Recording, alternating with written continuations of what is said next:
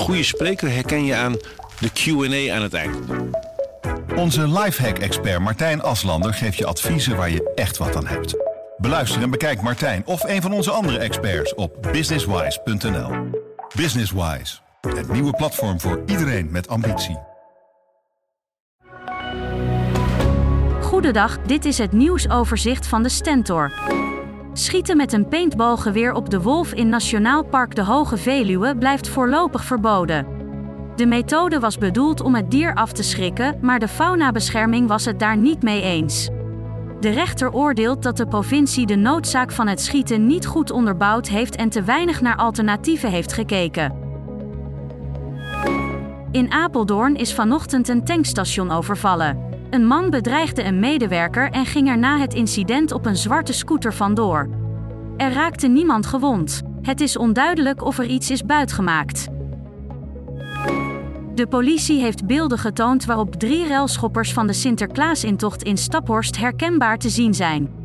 Eerder werd al gedreigd de beelden openbaar te maken tenzij de mannen zich vrijwillig zouden melden, maar dat deden ze niet. De identiteit van een andere verdachte werd eerder al bij de politie bekend.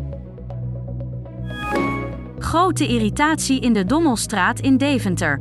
Bewoners van de gloednieuwe huurhuizen hebben last van vochtproblemen. Dat was vorig jaar ook al het geval.